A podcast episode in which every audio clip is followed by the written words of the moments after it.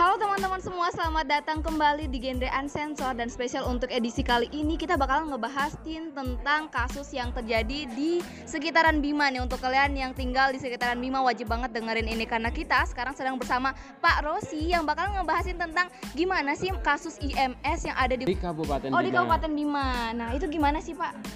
Eh, kondisinya katanya di sana pernikahan dininya memang sedikit tapi masalah infeksi menular seksual itu banyak gimana tuh Pak? Oh iya, itu eh, sangat benar sekali.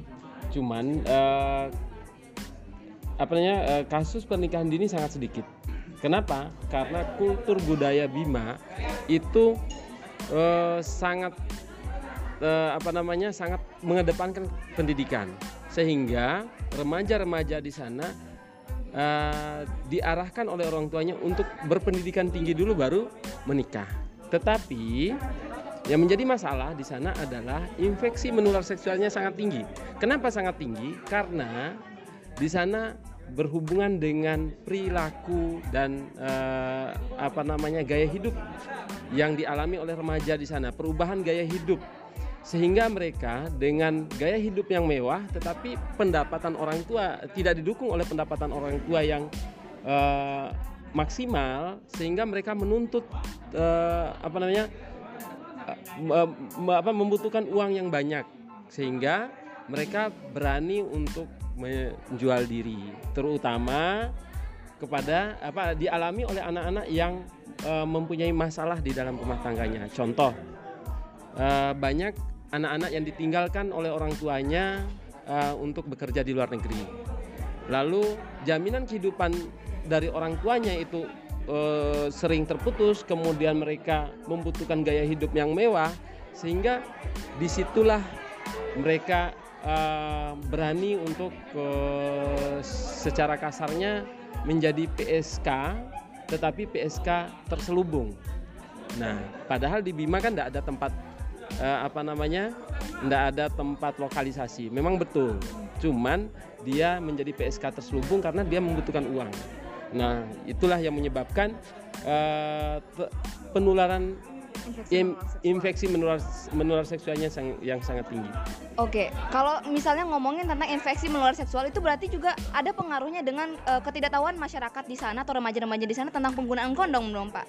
Apakah di sana itu sebenarnya udah ada nggak sih eh, bahan edukasi untuk mereka gitu yang eh, memperkenalkan apa sih manfaat kondom atau apa sih kegunaan kondom seperti itu? Kendati pun walaupun menggunakan kondom sekalipun tidak boleh berhubungan seksual gitu. Nah seperti itu Pak. Ya, eh, untuk penggunaan kondom, untuk apa? eh, untuk eh, apa informasi penggunaan kondom baru sebatas eh, disampaikan kepada pasangan usia subur.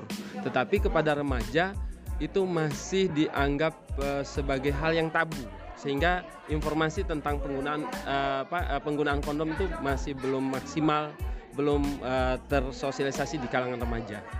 Oke, tapi kalau semisalnya menurut Bapak nih Pak, kalau semisalnya remaja di kot- eh, di Kabupaten Bima itu dibekali dengan pengetahuan tentang eh, alat kontrasepsi, contohnya saja kondom, itu menurut Bapak gimana? Apakah efektif atau bagaimana? Oh, tidak akan efektif. Oke, kenapa tidak akan efektif Pak?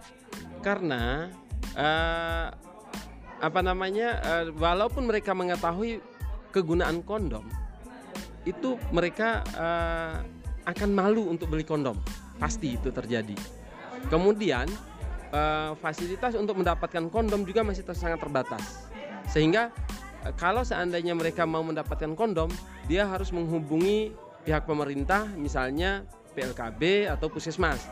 Eh, kalaupun dia mencari ke pihak swasta itu apotik-apotik juga belum terlalu banyak eh, tersebar di Kabupaten Bima. Mm-mm, kalau emang ka- karena memang di Kabupaten Bima tuh nggak kayak di Mataram Pak ya. Ya. Kalau di Mataram ini kan maksudnya industrinya seperti Alfamart, Indomaret itu kan Ya. terbuka lebar untuk ngejual kondom. Sedangkan kalau untuk di Bima itu di Kabupaten Bima itu kayak kurang gitu kan Pak untuk eh, ya, Indomaret atau Alfamart yang kayak gitu-gitu. Nah, semisal nih Pak tidak diberi edukasi tentang kondom, kondom dan kita juga memberikan edukasi tentang eh, seksualitas bahkan untuk tidak melakukan hubungan seksual. Tapi kalau semisalnya ini tetap terus terjadi lalu solusinya tuh sebenarnya di mana sih tempat yang harus kita perbaiki di, di mana gitu? Ya, yang perlu kita perbaiki di sini adalah menurut saya yang paling penting itu yang paling fokus itu adalah pemahaman remaja tentang eh, apa namanya bahaya seks bebas, bukan eh, kegunaan kondom. Nah, kenapa? Karena uh, kalau kita membahas tentang penggunaan kondom, justru itu uh, memberikan edukasi bahwa seolah-olah seks bebas itu boleh. Iya.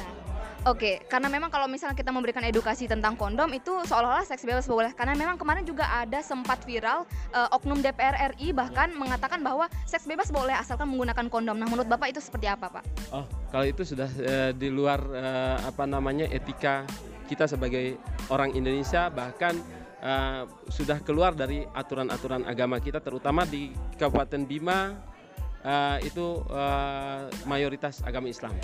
Nah, tentang kondom nih Pak, uh, sebenarnya walaupun dia pakai kondom ataupun nggak pakai kondom itu sebenarnya nggak penting. Yang penting adalah sebenarnya dia tidak boleh melakukan seks bebas. Nah seperti itu kan Pak, menurut Bapak ya. juga sepakat atau bagaimana? Sangat sepakat sekali.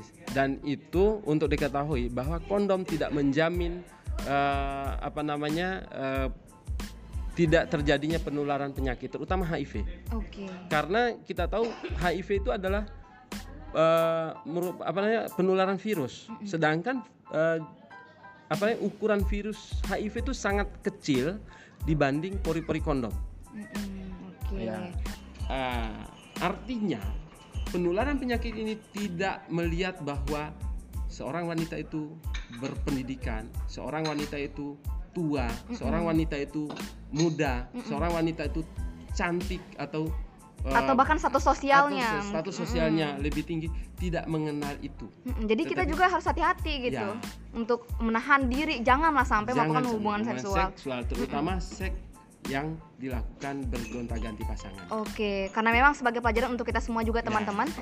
kalau walaupun teman-teman pakai kondom, nggak pakai kondom, mau teman-teman pakai atau enggak, kalau memang teman-teman melakukan hubungan seksual itu beresiko karena memang virus itu hmm. ukurannya lebih kecil daripada pori-pori kondom ya, gitu. Maksudnya di sini hubungan seksual dengan gonta-ganti uh, gonta pasangan. pasangan. Kan kita nggak tahu Pak ya. ya, kita udah berhubungan seksual dengan pacar kita nih, kita kiranya dia setia, padahal sebelum kita udah ada orang lain ya. gitu. Karena memang ini sering kejadian Pak ya, ya apalagi ya, sekarang ada yang dikenal dengan friends with benefit atau uh, eh, FWB FWB ya. maksudnya. Itu maksudnya mereka temenan pak. Temenan tapi boleh melakukan hubungan seksual dan pura-pura bego aja gitu pak. Kayak nggak ada hal-hal asmara dan lain sebagainya. Tapi kalau mereka lagi pengen bisa ketemu melakukan hubungan seksual gitu aja. Nah ini bahaya banget untuk bahaya di remaja-remaja. Apalagi di Bima pak ya, ya. walaupun ya uh, pernikahan dininya uh, rendah tapi malah infeksi menularnya ya, yang tinggi. pengaruh dari gaya mm -hmm. hidup dan tersedianya jaringan internet yang sangat terbuka lebar sehingga okay. mereka Uh, Oke, okay, jadi mereka uh, searchingnya yang lain-lain ya, gitu, Pak. Nontonnya benar, nonton yang lain-lain.